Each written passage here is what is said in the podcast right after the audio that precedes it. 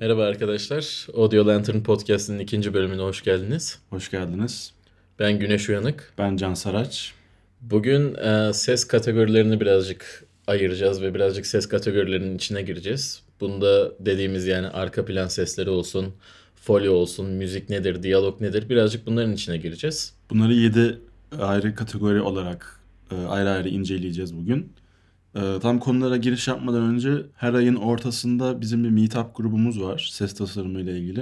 E, Her ay 10-15 civarında yani hafta sonlarına getirmemeye çalışıyoruz. Her ayın ortalarında toplanıp ses tasarımı ile ilgili buluşuyoruz, sohbetler ediyoruz, e, workshoplar düzenliyoruz.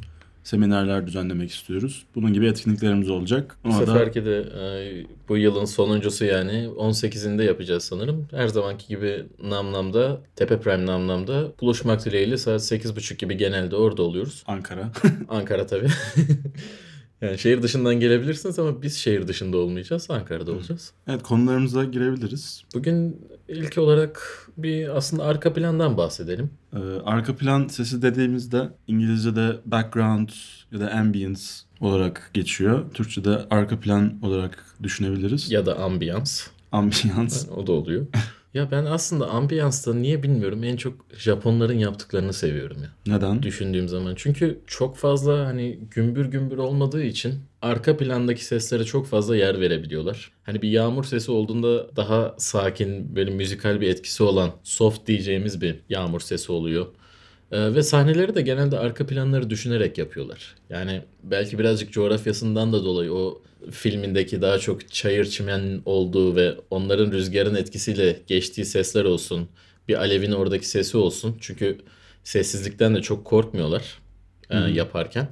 Bu da demek oluyor ki hani çok daha sakin, huzur verici bir arka plan sesi oluyor ve arka planlar da bayağı ön planda çıkmış oluyor. Ne örnek verebilirsin? Ee, Anime animelerden mi bahsediyorsun daha çok? Japon film. Yok animeler zorunlu değil aslında. Animelerden çok e, Japonların belki hatta 1970-80'deki askeri temalı filmleri aslında daha çok aklıma geliyor benim. Hmm. Hani şeyler değil de e, Çinlilerinkini biliyorsun çünkü daha çok o uçan kaçan filmler hani efektler olarak olanlar Çinlilerin ama Japonların biraz daha e, sakin daha hmm, hani samuray kültürünün olduğu filmlerinde çok daha ilginç sesler ve arka planlar olabiliyor. Tabii ben direkt Japonya'dan girdim de bir arka planı da sanırım açsak iyi olacak. Sen- Yani arka plan sesi dediğimizde aslında biraz adı üstünde yani kolay bir tanım oluyor ama günlük hayatta mesela atıyorum sokakta yürüyorsunuz. Sokakta yürürken şehrin ortasında sokakta yürürken duyabileceğiniz sesler nedir diye bir düşünürseniz eğer bir sürü ses var aslında. Trafik, arabalar,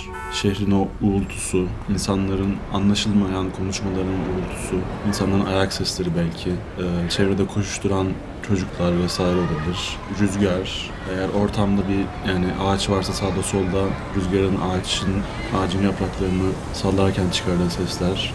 Yani birçok arka planda duyduğun hani spesifik olarak duymadığın ama arka planda varlığını bildiğin sesler duyuyorsun. Bunların hepsi aslında arka plan sesi kategorisi altında sınıflandırılıyor.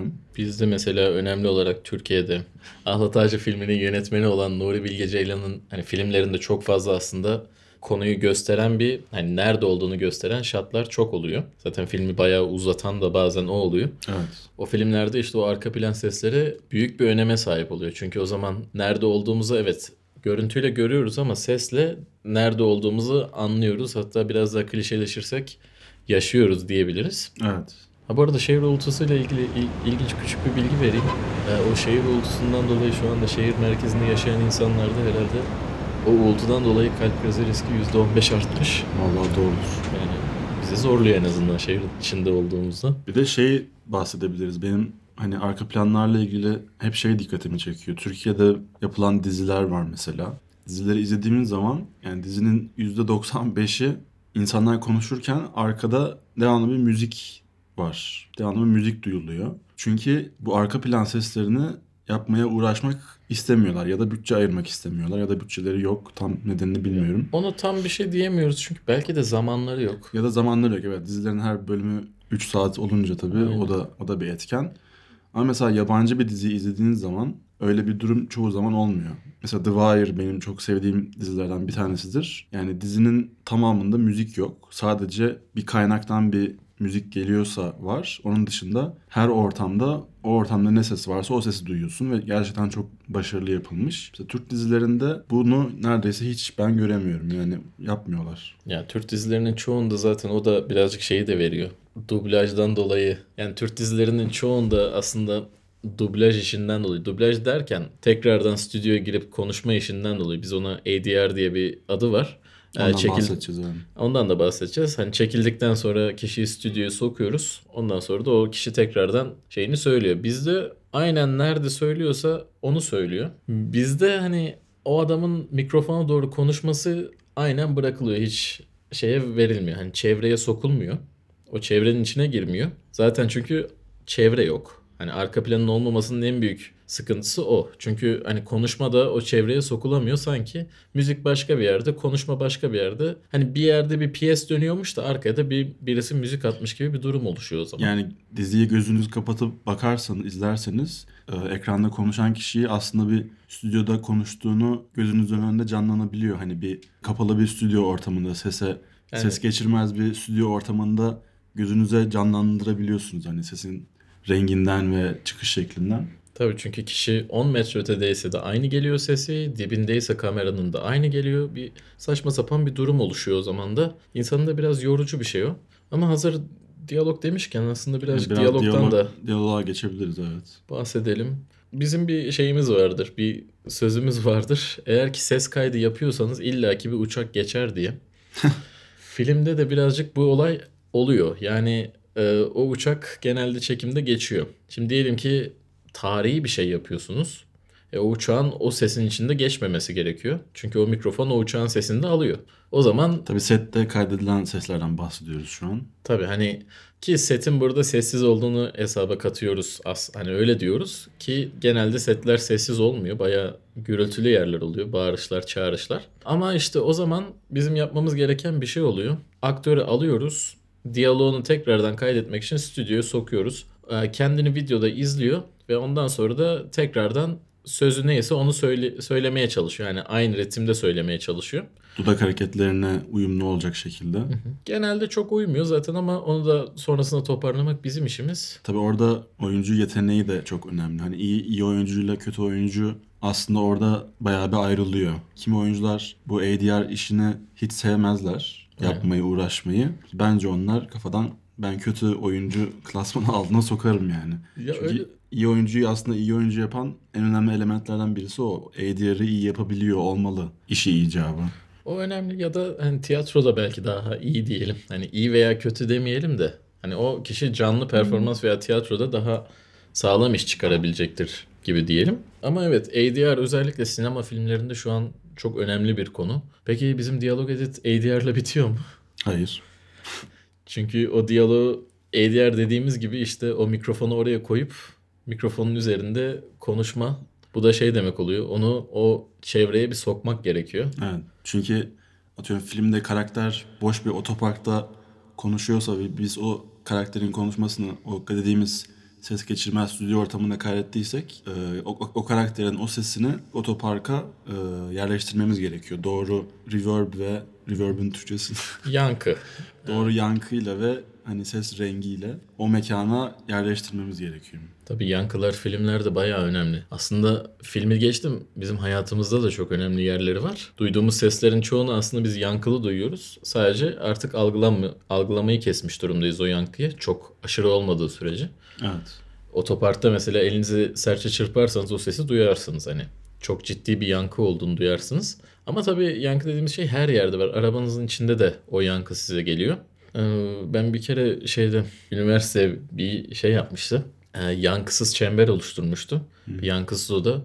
O yankısız odada mesela çok çok duramadım ben. Çünkü her şey garip geliyor orada. Hani, e, bir de sessiz bir ortamda kalp atışınızı bile duyabiliyordunuz. Çok saçma bir durum gibi hissettiriyordu insana. Şeyden bahsedebiliriz biraz. Diyaloğun sinemada özellikle sinemada olması bile aslında her medya ürününde e, biz hani eğitim alırken bize hep söylenen bir şey vardı bu konuyla ilgili. Di- Diyaloğun her zaman kral olduğu, endüstri lafı gibi bir şeydir. Diğer ortamda ne ses olursa olsun, ne gibi patlama, araba kovalama sahnesi, ne müzik, ne olursa olsun o anda başka olan. Yani bir karakter konuşuyorsa onun ne dediğini izleyici anlamak zorunda. Yani ne olursa olsun. Hani hikaye icabı anlamaması gerekiyorsa o ayrı bir şey. Öyle bir şey de olabilir tabii de. Yani diyalog her zaman kraldır. Çok önemli bir kural ve hani filmleri özellikle mixlerken ki ona da değineceğiz iler en son bölümde. Diyaloğun önemi her şeyin üstünde yani o çok anlaşılması zorunlu bir kural gibi bir şey. Tabii ki ya zaten mixlemeden bahsetmişken hani orada diyalog mikserleri, efekt mikseri ve e, müzik mikseri diye 3 kişi oluyor. En çok parayı kazanan diyalog mikseri oluyor. Çünkü filmin en önemli kısmı orası. Çünkü asıl filmler hani hikayeyi diyalogla veriyorlar. Doğru. O zaman da en önemli şey diyalog oluyor genelde. Tabii hani hikayeyi diyalogla veriyoruz ama duyguyu neyle veriyoruz dersek o zaman da birazcık müziğin içine girmemiz gerekecek. Yani müzik devreye giriyor orada en çok. En çok demeyeyim de çok önemli bir payı var. Hı hı. Müzik şöyle iki çeşit müzik var diyebiliriz aslında. Ee, score olarak e, film veya oyun artık neyse onun için bestelenmiş müzik.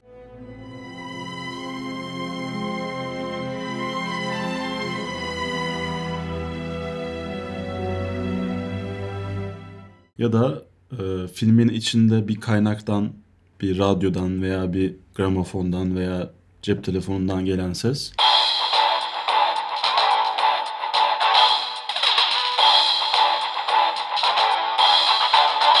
Bunlar iki kategoride düşünebiliyoruz. Bunların ikisinin de yapılış ve uygulanış şekilleri farklı oluyor. Ee, Ama genel olarak şunu diyebiliriz. Ee, o sahnenin içinde gelen müzik genelde hikayeyi ilerletmek için. doğru. Skorun içindeki müzik genelde Hissiyatı hissiyatı arttırmak etkileme, için. e- evet. etk- daha etkisini artırmak için doğru. Yani bu Interstellar mesela hani çok ünlü olduğu için ona, ona örnek veriyorum. İşte Interstellar'ın soundtrack'i çok popüler oldu. İşte Hans Zimmer bir anda ününü 7'ye katladı falan. mesela o, o filmdeki bütün o duyduğumuz sesler hani score dediğimiz film için özel bestelenmiş eserler. Ama dediğiniz gibi mesela hikayede iki karakter arabaların içinde giderken radyoda dinledikleri müzik o farklı bir konsept olmuş oluyor. Hans Zimmer demişken tabii Hans Zimmer Interstellar evet ünlü 7'ye katladı da ben ilk sanırım Hans Zimmer'i Karayip Korsanları'nda duydum ya. Şimdi, Ama sanki biraz Interstellar'da patlama oldu. Ya orada da bir patlama oldu ama hani duyduğumuz yerler önce Karayip Korsanları oldu. Çünkü zaten artık bakanlıkla falan bile iş yaptığınızda bir müzik istedikleri zaman Karayip Korsanları gibi bir şey olsun diyor herkes.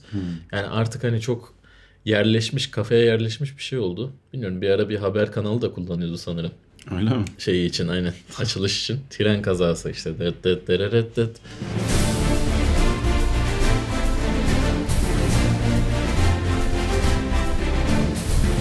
şeklinde gidiyordu. O yüzden hani ki hani Karayip Korsanları dediğimiz zaman da ilk olarak o müzik geliyor insanın aklına. Hikayeden çok artık kaç oldu? 5 mi oldu? 6 mı oldu? Hani oldukça oldu da hani hikayeden çok artık biz onu hatırlıyoruz. Game of Thrones dediğimizde işte o ilk açılış müziği direktman aklımıza geliyor.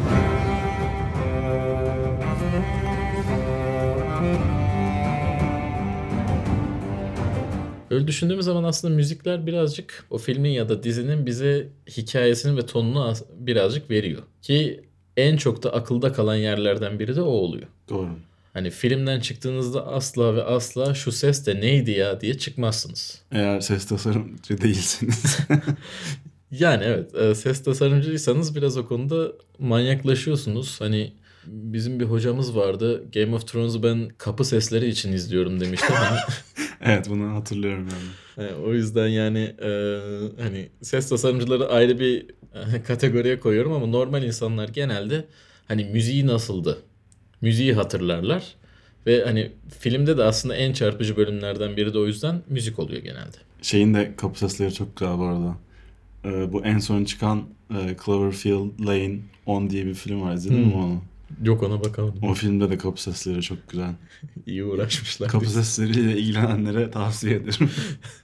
Ya kapı sesleri önemli ama özellikle hani şimdi aslında ses efektlerine de gireceğiz de kapı sesleri eğer ki ses editörü olacaksanız iyi yapmanız gereken şeylerden biri. Hani Her şeyi yapmanız gerekiyor aslında tabii de. evet ama kapı sesleri mesela e, bir prodüksiyon stüdyosunda çalışacaksanız demo reel'ınızda o kapı sesinin olması gerekiyor. Nasıl yaptığınızı gösteren Yani şekilde. çünkü çok karşılaşılan bir durum. Çoğu atıyorum kısa film olsun, uzun film olsun her yani normal çok ekstra bilim kurgu bir şey değilse mutlaka kapılar açılıp kapanacak yani o filmde. Ki hani e, yine ses tasarımcı kategorisini ayırarak bunu belki söyleyeceğim de e, bazı ses tasarımcılar bu konuda kafayı yemiş durumdalar. E, bir tane bir ses tasarımcı arkadaşımla konuşurken o demişti ki bizim hani kullandığımız ses kütüphaneleri var. Kullanıyorsunuz ve bu ses kütüphanelerinde de bazı artık 1996'dan beri kullanılan bazı kütüphaneler var. Direkt söyleyelim Sound Ideas 6000 gibi ses kütüphaneleri. Direkt ondan alınan kapıların sesini duy- duyduğu zaman o arkadaşım ben o diziyi veya filmi kapatıyorum bir daha da açmıyorum diyordu. Yani evet insanlar tabii hani ses tasarımcılar o kadar haşır neşir oluyor ki atıyorum bir 15 yıl bu işle uğraşmışsa o kadar çok kapı editliyor ki bir ses kütüphanesinde bir kapı sesini duyduğu zaman direkt tanıyabilecek noktaya geliyor. Evet bu bende de şeyde olmuştu. Bu işte Mount Emulate üzerinde çalışırken kullandığımız bir ses paketi vardı. O arada bir Diriliş Ertuğrul dizisini bir izlemiştim. Ee, Diriliş Ertuğrul'da da aynı paketi duydum. Açıkçası hani e, tabii bu aslında kötü bir şey değil, iyi bir şey. TRT'nin burada aslında o işe para verdiğini de gösteriyor. Evet. Çünkü e, normalde hani stüdyolar çok ekstra para vermeyip en e, standart kütüphaneler neyse onlarla işini çözmeye çalışıyorlar. En azından hani bir prodüksiyon kalitesi olarak ki hani ses anlamında Diriliş Ertuğrul aslında iyi bir yerde. Hani diğerlerine göre biraz daha bir tık daha üstte diyebiliriz. O da hani çünkü aslında sese orada verilen az da olsa bütçe kişilerin ya da yönetmenin ne kadar hani ürünüyle gurur duyduğu ve ne kadar onu öne çıkarmak istediğini de gösteriyor. Evet. Eğer ki hani o dediğimiz o kapı sesini, o aynı kapı sesini duydu, duyduğunuz zaman diyorsunuz ki "E, sen buna zaman bile harcamamışsın. Diyelim ki sinema filmi ise benim 20 liramı niye istiyorsun bunun Evet. için? Sen ona zaman harcamamışken gibi bir konuya geliyoruz o zaman da. Bir dahaki kategoriye geçmeden önce birkaç kez ses kütüphanesi terimini kullandık. Bunu belki tam ne olduğunu bilmeyen insanlar için hızlıca bir ne olduğunu açabiliriz istersen. Ya ses kütüphanesi dediğimiz şey şimdi hmm, eğer bir sinema filminde çalışıyorsanız ya ve bu film büyük bütçeli bir filmse o zaman sesleri yapmak için yaklaşık bir buçuk iki yılınız oluyor. Posta ise diyelim ki 6 ayınız oluyor diyelim ama 6 ayda iki buçuk saatlik bir filmin her sesini kaydedebilme şansınız oluyor. Ancak e, diğer daha küçük bütçeli projelerde o seslerin hepsini kaydetme zamanınız olmuyor. Onun için de insanlar daha önceden kaydedilmiş güzel olan ve kullanıma hazır olan bazı sesleri yapıyor. Siz bunu aynen alıp koymuyorsunuz genelde ama o sesler size yardımcı olabilecek bir e, kütüphane oluyor. Zor durumda kaldığınızda oradan o sesleri kullanarak ve başka sesleri de içinde birleştirerek farklı kendinize özgü bir ses üretebiliyorsunuz. O yüzden kütüphaneler hani önemli ve yardımcı öğeler oluyor açıkçası ses tasarımında. Tabii mesela bir satını alınabilen kütüphaneler oluyor. Bir de hani kendi kullanımımız için de hani bir kütüphane oluşturmak aynı aynı aynı şey geliyor aslında. Ee, şeyde hatırlıyorum ben Craig Burke X-Men e, filmlerinin seslerinin tasarımcısının bir konuşmasına katılmıştım. Wolverine karakterinin pençeleriyle ilgili çok fazla metalik sese ihtiyaç duyacaklarını bildiği için daha filmin e, post prodüksiyon kısmına geçmeden önce e, ekibine bana bir metal seslerden oluşan kütüphane oluşturun diye talimat veriyor. Adamlar e, stüdyoya girip metal ekipmanlarını alıp işlerine yarayıp yaramayacağını bilmeyerek işte yüzlerce sesten oluşan filmin post prodüksiyonunda kullanmak üzere büyük bir metal ses kütüphanesi oluşturuyorlar kendileri sıfırdan orijinal. Böylece film hazır hale geldiğinde oradan ihtiyaçları olan sesleri alıp kullanabiliyorlar. Tabii ve ses kütüphanesinin avantajı özellikle ken- her ses tasarımcısının kütüphanesi olması gerekiyor. Çünkü hangi sesin nerede işinize yarayacağını bilmiyorsunuz. Ve bazen e, bizim mutlu kazalar dediğimiz e, şeyleri yaşayabiliyorsunuz. Benim aklıma gelen bu konuda ekstrem bir örnek yine Game of Thrones'da olmuştu. Game of Thrones'un ses tasarımcısı ana Drogo'ydu galiba. Ana ejderhanın sesini yaparken ana bir layer'a ihtiyaç ihtiyaç duyuyor. Bunu da yapabilmek için kütüphanesinde kendi seslere bakarken iki tane kaplumbağanın daha önce e, çiftleşmesinin sesini almış. Kendisi de anlatıyor yani nasıl aklına geldi bilmiyorum ama işte ses kütüphanesi olunca işinize yarayan bir sesi bulduğunuz zaman hani nerede arayacağını bilmiyorsunuz ama ilginç gelen sesi alıp kütüphanenize attığınız zaman e, böyle mutlu kazalara sebebiyet verebiliyor. Tabii bu nedenle de biz her zaman deriz ki ses tasarımcıların her zaman yanında bir kayıt cihazı olması lazım. Evet. Ki artık bu e, telefonlar filan da geliştiği için en iyi ses, ses kayıt cihazı nedir derseniz elinizde olan olan olanıdır. Doğru. O yüzden de hani elinizde telefonunuz bile varsa hiç almamaktansa en azından öyle ilginç bir sesi duyduğunuz zaman almanın büyük bir avantajı oluyor. Hani aklınıza tabii illa kaplumbağa çiftleşmesini alacağım gibi bir şey gelmesin. Hani başka bir şey de bulabilirsiniz. Şehir ve hani dünya aslında çok ilginç sesler de üretiyor. Ee, ve hani neyin nerede nasıl kullanılacağı da belli olmuyor açıkçası. Uçakların geçmesinden bahsetmiştik konunun başında. Yani belki de güzel bir uçak geçmesi bile doğru anda doğru yerdeyseniz güzel bir uçak geçiş sesi kayıt etmek işinize yarayabilir. Tabii uçağa binerken biraz dikkatli olun çünkü e, onu bir arıyorlar. Eğer ki kayıt cihazınız falan Ben yer, biz, biz yerde uçak tepeden geçiyorsa falan gibi düşünmüştüm. Yo, uçaktayken de aslında ses kaydı alınabiliyor da işte bataryaları bir çıkarmanız falan ona göre bir özel bir e, işlemden geçiyorsunuz birazcık. Ama geçirilebiliyor. Bir 10 dakika falan kaybettiriyor insanı. Ama sonuçta açıklayınca anlıyorlar. O zaman da sıkıntı olmuyor. O zaman e, ses efektlerinden kısmen aslında bahsettik bir süre. Kapılardan olsun, metalik sesler, işte ejderha sesleri vesaire. Bunların hepsi ses efektleri aslında. Ses efektleri kategorisi altına giriyor. Ses efekt dediğimiz şeyler aslında ses efektlerini iki kategoride düşünebilir miyiz? Sert olanlar, yumuşak olanlar. O biraz İngilizce terim oldu. Yani İngi- evet biraz Türkçeleştirilmiş Ee. versiyonu oldu ama şey hani yani e, ekranda gördüğümüz olayların çıkar, çıkaracağı sesler ve hissiyata yönelik ekranda olmayan ama hissiyat vermek amacıyla oluşan ses efektleri. Yani biz şu anda daha çok sert seslerden bahsettik. Yani real sesler diyelim. Ee, yani kapıların kapanması, işte ne bileyim Uçağın geçmesi, Aynen. ejderhanın bağırması vesaire. arabanın işte gidişi, gelişi. Evet bunlar sert dediğimiz kategori altında oluyor. Bir de design kategorisi var ki eğer ki sorar hani filme baktığınızda yabancı filmlerde o altta birkaç tane yer vardır hani sesle alakalı. Orada sound designer diye bir şey görürsünüz. O sound designer bu özel efektleri yapan insandır genelde. Diğerlerini de ses editörleri yapar. Hani kapının kapanmasını kesen kişi ses editörü olur. Ama ses tasarımcısı genelde hikayenin veya hissiyatın nasıl ilerleyeceğini anlatan kişi oluyor. Ee, o işte ne bileyim korku filmlerinde arkadan gelen saçma sapan sesler birazcık gerilimi arttırmak için gelen sesler olsun. Bir yanda e, kalp atışlarının hızlanması ki kalp atışlarından bahsetmiştik geçen bölümde. Ee, onların hepsi ses tasarımcısının yaptığı şeyler. Önemli bir alan. Film için özellikle e, hikayeyi çünkü nasıl gi- gideceğini bazen ses tasarımcısı belirliyor. Aslında müzikle paralellik biraz içeriyor bu özel ses tasarımı dediğimiz kısım. Korku filmleri aslında akla gelen ilk örnek bu korku e, jump scare anlarında o hissiyat vermek için. Yani bu arada aslında bir şey hani biraz gri alan. Müzik de bunu yapabilir. Ses tasarımcı da yapabilir. Biraz aslında mikserin kararına kalmış oluyor hangisini daha çok beğeniyorsa gibisinden. Ama özel efektçiyle besteci aynı şeyde aynı olayda çalışırsa daha güzel bir şey çıkıyor. Çünkü Evet, evet. en azından sesleri bile müziğin e, akorduna göre e, ayarlayabiliyor. Bu sayede de sanki hani her şey aynı yerden geliyormuş gibi oluyor. Tabii ki istediği zaman çok farklı bir hissiyat vermek istediğinde de bunu da kullanabiliyor. Hani tondan tamamen farklı bir ses efektini vererek bir anda her şeyle kontrast oluşturabiliyor.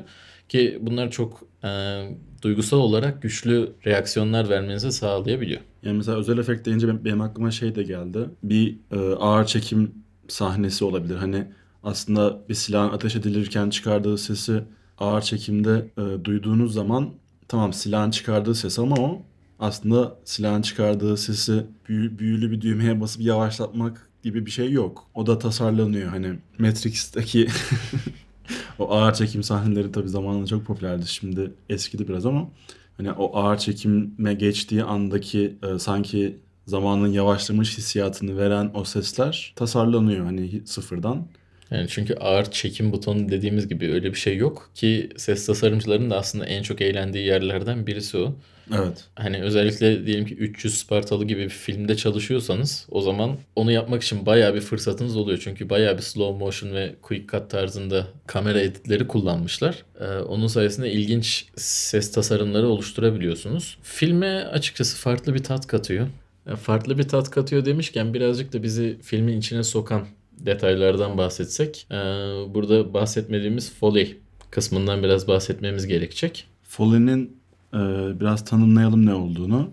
E, Türkçesi yok çünkü Foley ismi e, bu işi icat eden kişi olan e, Jack Foley miydi? Galiba Jack Foley'di. Jack Foley isimli meslektaşımız. E, Jack Foley 1930'lu yıllarda e, filmler Sanırım bunu filmlerde geliştirmiyor da radyoda geliştiriyor. O Hmm. dönem e, çünkü radyolar çok popüler. Evet. Daha popüler hatta. Ve özellikle radyoda da hani masalımsı hikaye anlatımları oluyor. Bu hikaye anlatımlarına da ekstra bir e, boyut kazandırmak için o da arkada ekipmanlarıyla duruyor. Diyelim ki işte ekipman dediğimizde burada işte çer çöp olsun, ot olsun, işte kağıt olsun bir şeyleri toplamış durumda. Ve e, hikayeye göre hikayeye biraz daha tat katmak için onlarla sesler çıkarıyor. Bunları da hikayenin içine bir yandan koyuyorlar. Aslında o canlı yapıyor. Tabii filmde canlı bir şey yapamayacağınız için burada filme göre performans şeklinde yapılıyor. Yani oyuncular evet hikayeyi oynuyorlar. Foleyciler de onların yaptığı hareketleri tekrardan baştan oynayan insanlar oluyor. Ceket düzeltme, kıyafet giyme, ayak sesleri bunların hepsi Foley'nin ana başlıklarından biri oluyor. Evet yani örnek vermek gerekirse sahilde yürüyen bir insan gördüğünüzde onun ayak seslerini duyuyorsunuz kum, kuma giriş çıkışında. Bunu aslında sette kaydedilen bir ses değil bu. Foley sanatçıları bir çukurun içine kum koyuyorlar. Ee, mikrofonu ayaklarına yaklaştırıp orada yürüyerek bir yandan e, filmi izleyerek bu sahneyi tekrar performansını yapıyorlar ve bu sesi kaydedip e, sesi filme koyuyorlar. Ki hani sırf ayak sesleri de değil aslında düşündüğünüz ayak sesleri sadece bir element tabii. Tabii hani, eğer- hani düşündüğünüz, düşünebileceğiniz her türlü hareketi aslında onlar cover ediyor. Yani yapıyorlar o sesleri. Hatırladığım kadarıyla bir filmin Foley'sin, Foley stüdyosunu bize gezdiriyorlardı. Ee, akşam saatiydi. Bir karanlıkta bir ekran vardı. Hani o sırada orada kimsenin olmaması gerekiyor ama karanlıkta bir ekran var. Bir girdik içeri. Hani bizi de tur olarak gösteriyorlardı. Bir girdik içeri böyle atlet donla bir amca. Orada mikrofonun başına geçmiş. Filmde de bir öpüşme sahnesi var. O da öpüşme sahnesine göre elini öpüyordu mikrofona karşı. Tabii biz bu filmin sonra gösterimine de gittik. Orada romantik de bir film. Ana kadın ve ana erkeğin son buluşma öpüşme sahnesi. E Tabii orada izliyorsunuz yandaki kızlar filan e, bayağı bir işte "Aa, ne kadar romantik modundalar ama siz o moda tabii giremiyorsunuz. Çünkü ben orayı her izlediğimde aklıma gelen şey o kıllı Kıllı mıydı? Kıllıydı bir de. Abinin elini öptüğü sahne oldu geliyordu aklıma. Neden don ve atletli olduğunu da açalım biraz. Bu sesleri kaydederken tabii çok hassas sesler kaydediliyorsa mesela eline diğer eline sürtüşünün sesini kaydediyorsa diğer vücudundan çıkabilecek bütün sesleri elemesi gerekiyor. Bu e, kıyafetinin çıkardığı ses olur, karnı açsa karnının guruldaması olur veya ağzından bir tükürük sesi olur ya da boğazından gelen herhangi bir ses olabilir. Bunların hepsini elemesi gerekiyor. O yüzden hani Foley sanatçılarının kilotlarıyla veya değişik kıyafetler içinde ses kaydettiğini çok sık görebilirsiniz evet. Hani ana üniformaları zaten birazcık o oluyor don atlet modunda. Bir Ya- de gece olarak gece çalışıyorlar. Hani gececi gibiler. Trafik seslerini de elemek için. İlginç bir hayat oluyor tabii o zaman da. Ya da bir topuklu ayakkabı yürüyüş sahnesi gerekiyorsa bir erkeğin bunu canlandırmayı öğrenmesi gerekiyor. Topuklu ayakkabıyla nasıl yürüyüp gerçekçi bir topuklu ayakkabı yürüme sesini oluşturabileceğini yapması gerekiyor. Ki kendi giyeceği aslında birkaçının bazı çiftleri de oluyor. Hani topuklu ayakkabı çifti de almaları gerekiyor. Ee, çünkü elinizle yaptığınız ayak sesleri tam olmuyor. Hani topuklu ayakkabıyı eline geçirip eliyle yaptığı tam hissiyatı vermiyor. O yüzden o ayakla yürüme ve ağırlığını verebilmek için giymesi de gerekiyor. Onun için de ya bazıları özel yaptırıyor ya da bulabildikleri en büyük ayak numarasında alıyorlar ve genelde onlar öyle yapıyor. Zor zanaat. Kendilerinin kendilerine açıkçası teşekkür ediyoruz çünkü çok da gerekli bir zanaat. Gerekli dememizin en büyük sebebi de o filmlerde hakikaten bizi hikayenin gerçekliğine sokan, o hikayenin ağırlığını veren şey folyo oluyor genelde. Ee, ki aslında yeni yeni bizim ülkemizde de yapılmaya başlandı. Filmlerde özellikle kıyafet seslerinin gelmeye başlaması. Hani ayak sesleri yapılıyordu ama kıyafet seslerinin gelmesi, tabak çanak bazen gelmiyordu. Şimdi yavaş yavaş gelmeye başladı. Bunlar biraz da en azından o hikayenin detayını vermek ve gerçekliğini vermek için önemli oluyor. Yani Foley ile ilgili hani güzel bir film izlemek isterseniz bizim tavsiye edebileceğimiz Coen Brother'ların Brother. Coen kardeşlerin No Country for Old Men filmi yani Foley anlamında gerçekten çok üst düzey bir film. Evet. Yani bu filmi izleyip incelene inceleyebilirsiniz bazı sahnelerin nasıl yapıldığını. Bunu tavsiye ederiz evet. Evet. Hani Foley ile ilgili zaten herkes bir şeyler de görüp görmüş oluyor. Şimdi bütün elementlerden elimizin geldiğince kabaca bahsettik. Şimdi bütün bu e, elementler kaydedildikten sonra veya editleri yapıldıktan sonra en son aşamada e, mikser dediğimiz en son mix aşamasına gidiyor. Mix aşamasında e, mikser işini yapacak kişi bütün bu sesleri tek bir session altında toplayıp mixliyor. Aynen. Mixlemenin tanımını açabiliriz. Mixlemek nedir? Ya aslında şöyle diyelim hani yönetmenin aklındaki ne en iyi veren kişi mikser oluyor. Çünkü filmin her saniyesinde orada kaydedilmiş olarak folisi, efekti, diyaloğu, müziği falan hepsi yaklaşık 120 tane track olarak duruyor. Mikser burada hangisinin ne kadar duyulacağının kararını veren kişi oluyor genelde. Ki hani miksere yardımcı olmak için efekti yapanlar efektlerini kendi arasında dengesini kuruyor. Yani arka planı yapan arka planda kendi arasında dengesini kuruyor ama Buna ön mix diyoruz Hı hı. aslında. ki ön mix hani mikserler de kendileri de bir ön mix yapıyorlar son sahneye gitmeden önce. Çünkü çok uzun olduğu için hem film filmle de kendini alıştırması gerekiyor. Ee, o yüzden bir ön mix süreci de oluyor. Ondan önce efektçiler de bir kendilerince bir ön mix yapıyorlar. Hani diyelim ki işte bir ateş topu sesi yapıyorsa onun patlamasıyla gidişi arasındaki ses dengesini yaklaşık olarak düşüncesine göre yapıyor. Ona göre sahneye yolluyor. Sahneye yolluyor dediğimiz burada miksere yollamak oluyor. Ve hani kararları burada mikser veriyor. Yani bir uzay sahnesinde bir anda bütün seslerin kesilmesinin kararını veren kişi mikser ve yönetmen oluyor genelde. Evet. Ses efektçi sadece sesi yapıyor. Ki aslında sessiz olan sahnelerde e, zannetmeyin ki o folilerin falan hiçbiri kaydedilmiyor. Genelde onların hepsi kaydediliyor. Sadece kullanılmıyor. Sahnede atılmış oluyorlar. Mesela diyalogla ilgili benim bir örnek aklıma geliyor. Diyalog normalde standart bir e, kural vardır. Her zaman orta hoparlörden gelir diyalogla ilgili, konuşmayla ilgili bütün durum. Fakat e, yer çekim filminde, Gravity filminde filmin başlarında Sandra Bullock'la George Clooney birbirlerinin etrafına döndüğü bir sahne vardı. O sahnede farklı bir uygulama yapmışlardı. Tabi bu hem mikserin hem yönetmenin bir kararı aslında. İkisinin kendi aralarında muhtemelen görüşüp karar verdiği bir durum. E, George Clooney e, Sandra Bullock'un etrafında ve kameranın etrafında dolaşırken arka hoparlörlerde George Clooney'nin etrafında dolaşım, dolaşışımızı hissedebiliyoruz konuşurken. Yani solumuza geçtiğinde solumuzda oluyor. Sol arkamıza geçtiğinde sol arkamızda oluyor. Oradan konuşmaya devam ediyor. Bu mesela mikserin yönetmenle oturup kararlaştırıp uyguladığı bir şey. Çok sık görülmeyen bir durum. Yani riskli bir şey ama e, işe yaradı özellikle o filmde. Riskli dememizin sebebi de şu. Şimdi her sinema en iyi kondisyonda olmuyor. O zaman da hani geçen sen galiba bir filme gittiğinde sol arka hoparlör Of, evet kabus gibiydi. hani sol arka hoparlör çalışmıyordu herhalde. Sağ sol, arkada ar- sol arka komple çalışmıyor. Sağ arkada cızır diyordu. Ha, Ben filmi izliyorum böyle gözlerimin ve kulaklarımdan kan, da- kan damlalarının akışını hissediyorum. ki orada o George Clooney'nin sol arkada konuştuğunu düşün. Orayı sen duyamayacaksın. Evet maalesef. Ki de- demin de dedik yani diyalog kraldır. Yani diyaloğu duyamamak demek filmi duyamamak demektir aslında. Orada sol arkada belki de hani filmle ilgili çok önemli bir bilgiyi veriyordu sana ama sen onu duyamıyorsun. O yüzden hani e, center dediğimiz o orta hoparlör genelde en dikkat çekici hoparlör olduğu için ve en büyük hoparlör de o olduğu için diyaloğu genelde oraya yerleştiriyorlar. Ki bu şeyde de avantaj sağlıyor. E, bizim işte filmi biliyorsunuz genelde 5.1, 7.1, 9.1 hoparlörlerde mixleyip sesini veriyorlar. Özellikle sinemalarda hani bu ara sanırım 9.1 kullanılıyor şu anda. Ee, Eğer Atmos değilse. Ama Atmos'a şimdi girmeyelim zaten de. 9.1 kullanıldığı için şimdi sizin evinizde diyelim ki laptopta iki hoparlör var. Ya da e, televizyonda iki hoparlör var gibi oluyor. Bunu da bu iki hoparlör haline getirmek gerekiyor.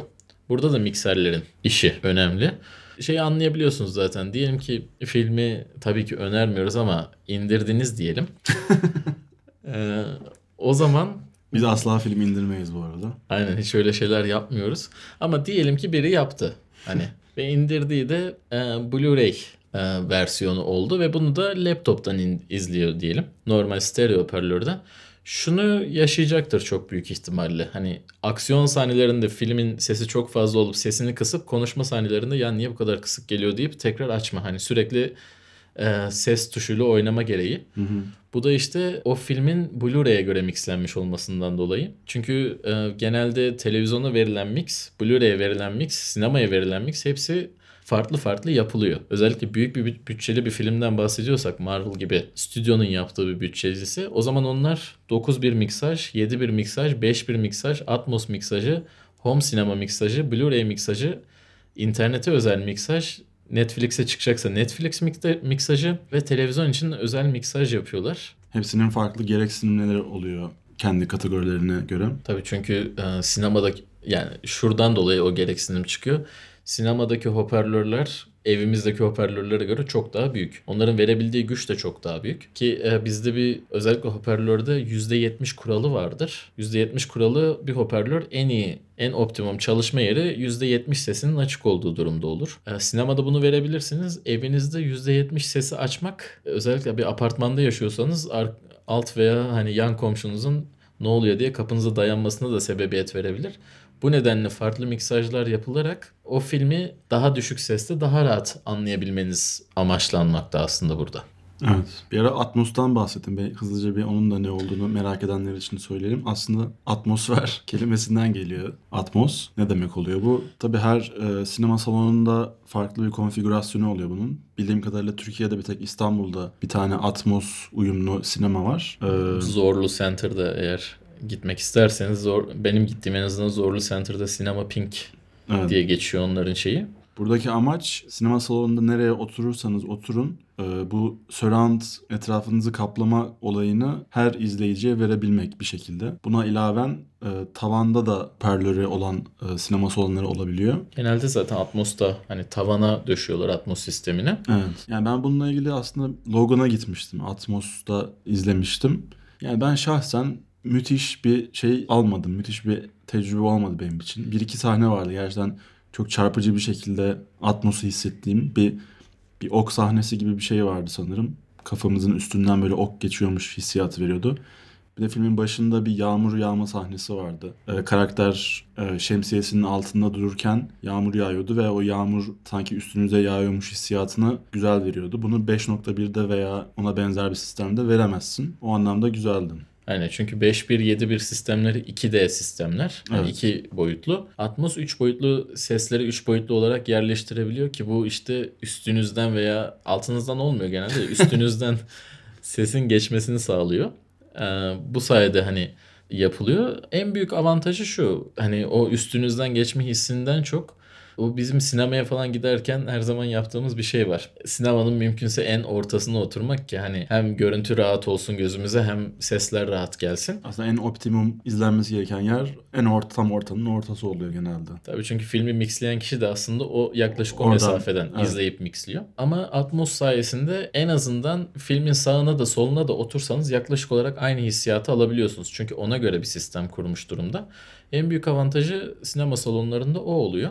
Ee, şu an Ankara'da yok. Ee, genelde IMAX'li, hani Dolby'nin IMAX versiyonlu sinemalarında genelde oluyor. Ee, sanırım ama İstanbul'daki IMAX değil. Hani Dolby Atmos salonu diye geçiyor. Güzel bir sistem. Şu anda iyi Electronic Arts'ın birçok oyunlarında da özellikle Battlefield oyununda da Atmos miksajı gibi bir şey görürseniz şaşırmayın. Yavaş yavaş oyun hani bu ev sineması sistemlerini de Atmos'u getirmeye çalışıyorlar. Ee, en azından Atmos uyumluluğunu getirmeye çalışıyorlar. Çünkü Atmos aslında bir software. Sadece o kurulumdan çok aynı zamanda size o sesin nereden geldiğini daha iyi anlatabilmek için kullanılan bir e, program. Bundan dolayı hani oyunlarda da yavaş yavaş gelmeye başladı. Sanki yavaş yavaş hayatımıza iyice girmeye başlayacak gibi duruyor. Evet tabii evinizde bu kuruluma sahip olmanız gerekiyor faydalanabilmek için. Yani atmosu olan bir oyunu alıp heyecanlanıp onu kulaklıkla oynarsanız yani bir anlam ifade etmeyecek. Gene güzel duyulacaktır çünkü hani e, Atmos'u yapanlar genelde büyük bütçeli stüdyolar oluyor Evet, ama yine güzel duyulacak. da hani Hani Atmos'la Atmos, bir alakası olmayacak. aynen hani bu film 5-1'miş deyip kulaklıkla dinleyen insanlar oluyor bazen çünkü. O oluyor. Eee, bu arada şeyi de söyleyelim hani o kulaklığa girmişken kulaklıklarda hani 5.1 7.1 kulaklıklar var. Oyun kulaklıkları olarak geçiyorlar. Eee, onlar tam hissiyatı vermiyor. Bunu eee, söyleyebiliriz sanırım artık. Yani veremez tabii hani. Aynen yani Mantıken. 5 tane hoparlörün o hissiyatını vermiyor. Sadece simüle etmeye çalışıyor yaklaşık olarak ve çoğunlukla da tam olarak simül- simüle edemiyor. O yüzden her zaman hani 5.1 kulaklık, 7.1 kulaklık, şimdi 9.1 kulaklıklar falan çıktı. Hani e, o verdiğiniz paranın tam karşılığını veren kulaklıklar ne yazık ki olmuyorlar. Tabii şimdi birazcık fazla kulaklıklara falan girdik. Konumuza dönecek olursak miksajda şu anda bahsetmediğimiz bir şey var. Hani çok fazla bahsetmedik. Biraz uzayda girdik ama aslında seste en büyük kullanılabilen tekniklerden bir tanesi sessizlik. Ve çok underrated bir özellik bence.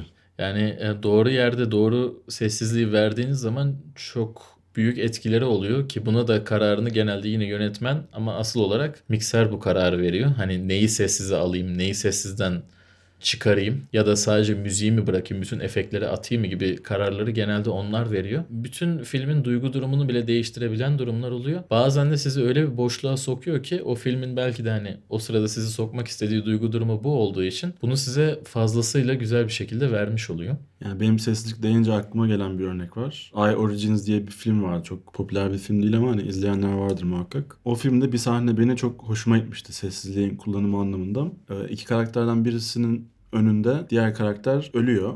Ee, bu ölüş ölümü izleyen karakter bir anda çığlık atmaya başlıyor ama tam çığlık atmaya başlayacağı an filmde bütün ses kesiliyor. Yani gerçekten kesiliyor, kesiliyor. her şey e, mute'lanmış gibi oluyor. Ve karakterin çığlık atışını tamamen sessiz bir şekilde izlemiş oluyoruz. Yani orada düşünüyorsun. Gerçekten çığlık atışını duysak mı daha etkili olurdu? Çığlık atışını sessiz bir şekilde izlesek mi daha etkili olurdu? Bence sessizlik orada mesela çok daha vurucu ve etkileyici bir se- seçim olmuş oldum. Aynen belki hani başka bölümlerde de bahsederiz de benim aklıma da Münih filmi geliyor o konuda. Hı hı.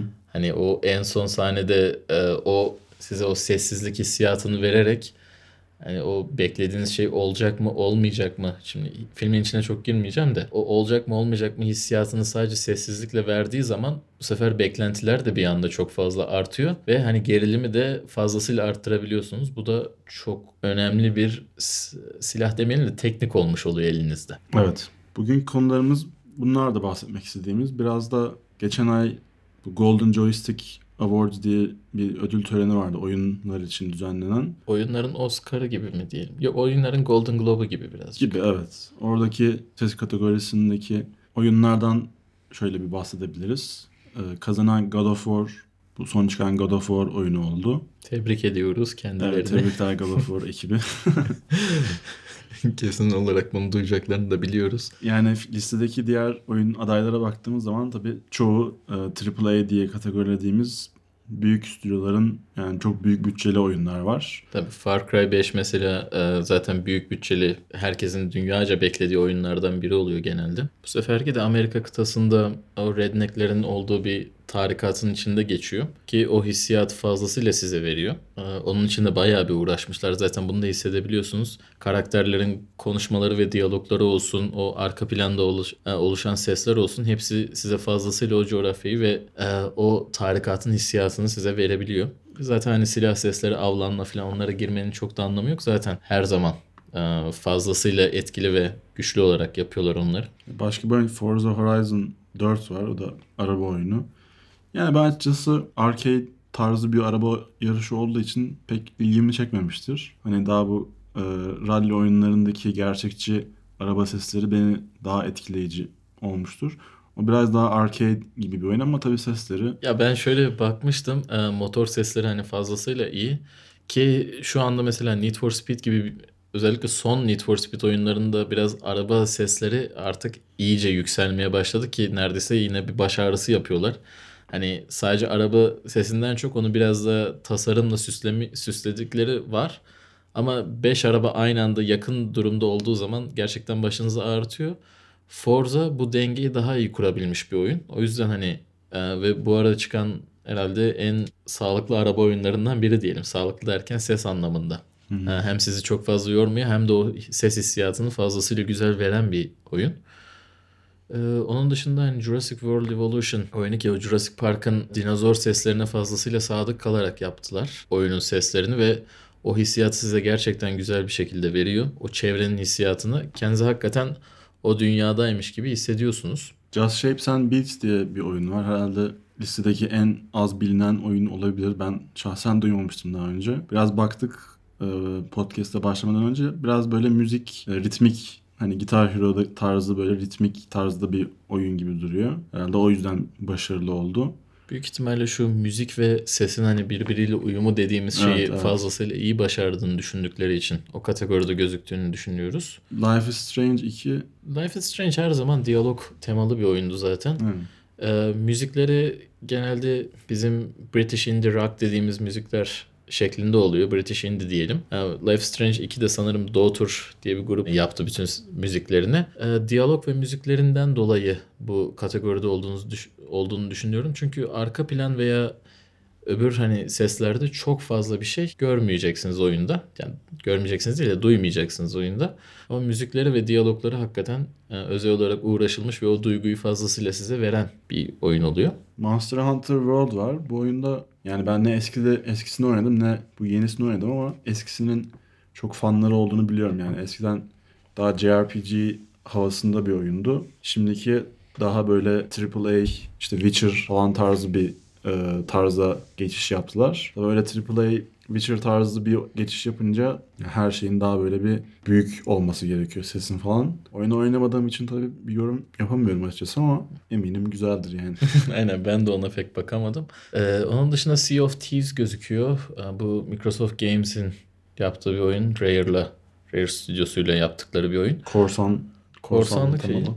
Ee, ilk çıktığında biraz sıkıntılı olduğunu duydum ben. Ee, çünkü yapacak bir şey yok diyorlardı. Hani ilk çıkışı, ilk çıkışı birazcık daha beta bir çıkışı oldu. Ee, deniz sesleri hakikaten güzel. Özel olarak uğraşılmış. Sırf sesleri değil, görsel olarak da oyun çok güzel gözüküyor. Ama işte oyunun birazcık e, içine biraz daha bir şey koymaları gerekiyordu ki onları herhalde şimdi yeni update'lerle koydular. Uzun bir süredir bekleniyordu. Umuyoruz ki o update'lerle o istenilen seviyeye gelir. Çünkü birçok insan hani arkadaşlarımla hadi korsancılık oynayalım şeklinde bir oyun oynamak istiyor. Ee, onun için de iyi bir oyun açıkçası.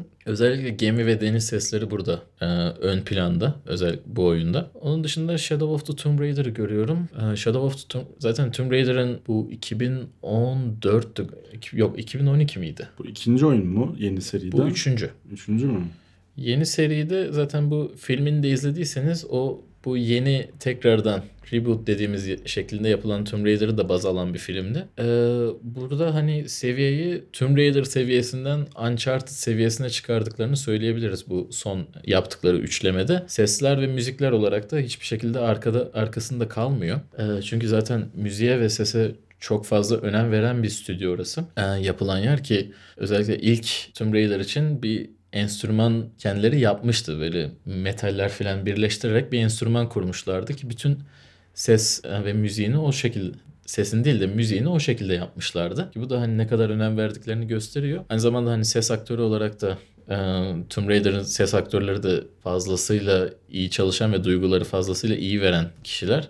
Bu sayede büyük ihtimalle bu ödüle en azından aday olduğunu düşünüyoruz. İkincisi çok güzeldi de ilkinde benim bir bug vardı her seferinde deli eden. Ondan bahsetmeden edemeyeceğim. Böyle iple bazı yerlerde aşağı doğru kaydığın anlar vardı ilk oyunda. O sesi yan, yani ya yanlış tasarlamışlar ya da oyuna implement ederken bir hata oluşmuş. Ses e, loop etmiyor. Aşağı doğru kayıyorsun. Eğer çok uzun bir kaymaysa eğer ses bir yerde sona erip tekrar baştan başlıyor ama arada hani kopuyor. Aradaki bağlantı yanlış. Yani onu nasıl gözlerinden kaçmış, kulaklarından kaçmış bilemiyorum. E Tabii ona çok bir şey diyemiyoruz. Kaç kişilik ekip olduğunu bilmiyoruz çünkü. Hele ki ilk oyun birazcık riskti. Hani bilinmiyordu çünkü Tomb Raider serisi neredeyse ölmüştü o sırada. Ee, Ama yine de ya bilmiyorum. Tabii yani kaçmaması gereken bir şey. Evet. Hani acaba o kadar aşağıya inmediler mi? O kadar ipin üzerinde mi durmadılar bilmiyoruz. Hani çok büyük oyunlarda bazı şeyler gözünüzden kaçabiliyor. O yani kulağınızdan da kaçabiliyor. Çok nadir de olsa oluyor yani. Ama tabii dediğin mekanik oyunun en önemli mekaniklerinden biri. Yani önemli derken en çok kullanılan mekaniklerinden biri. Belki biraz daha e, dikkat orada gerekiyordu ama ikinci, üçüncü oyunda zaten onları çözdüler. O yüzden de yani dikkat etmişler diyebiliriz. Bir de en son Subnautica diye bir oyun var. Ben de bu oyunu oynamadım ama ilk çıktığı zamanlar gameplay videolarını izlemiştim. Bu da indie bir oyun. Herhalde listedeki e, tek indie oyun olabilir. Aynen. Evet. Ya da Just Shapes and Beats de belki indie. Böyle su altı temalı bir oyun. Güzel bir oyun. Yani biraz su altı Minecraft gibi gözüküyor. Piksel art olmadan. Yani Ee, Minecraft'tan çok daha çok böyle craft e, temalı olup hani survival e, şeyi ama hani oyunun büyük kısmı su altında geçtiği için hani aslında o da değişik bir challenge tasarımcılar için. Hani suyun dışında ve suyun içinde olduğumuz zaman duyacağımız sesler hani fark ediyor. Oyunun devam devamlı suyun altında olduğumuz için Yani- değişik bir challenge yani o da. Aynen ve e, en azından gameplay videolarında gördüğümüz kadarıyla fazlasıyla altından kalkmışlar. Evet. Sanırım e, tekrardan God of War'u tabii ki kutluyoruz. Onunla ilgili çok fazla bir şey söylemedik ama hani diyebileceğimiz tek şey şu. Şu anda stüdyolar insanları işe alırken sorduklarında hani en son oynadığınız oyunlarda beğendiğiniz ses kimindi dediklerinde size dedikleri şey lütfen God of War'u söylemeyin çünkü herkes onu söylüyor. Yani prodüksiyon kalitesi olarak en azından benim gördüğüm kadarıyla oynadığım kadarıyla e, ilk 3 oyundan çok daha yüksek bir prodüksiyon kalitesine sahip hikayesi olsun, e, seslendirmesi olsun, onun dışındaki dış sesler olsun ve hani aksiyona girdiğinizdeki sesler olsun bambaşka bir kaliteye çıkmış gibi duruyor E, ve hani tekrardan kendilerini günlerini kutluyoruz. Daha da herhalde diyecek fazla bir şeyimiz konuyla ilgili yok. Bugün herhalde burada kapatsak. Olur evet. Yani. Ee, ben Can Sarat tekrar. Tekrar ben Güneş Uyanık. Ee, zamanınız olursa hepinizi Meetup'a da bekliyoruz. Görüşmek üzere. Görüşmek üzere.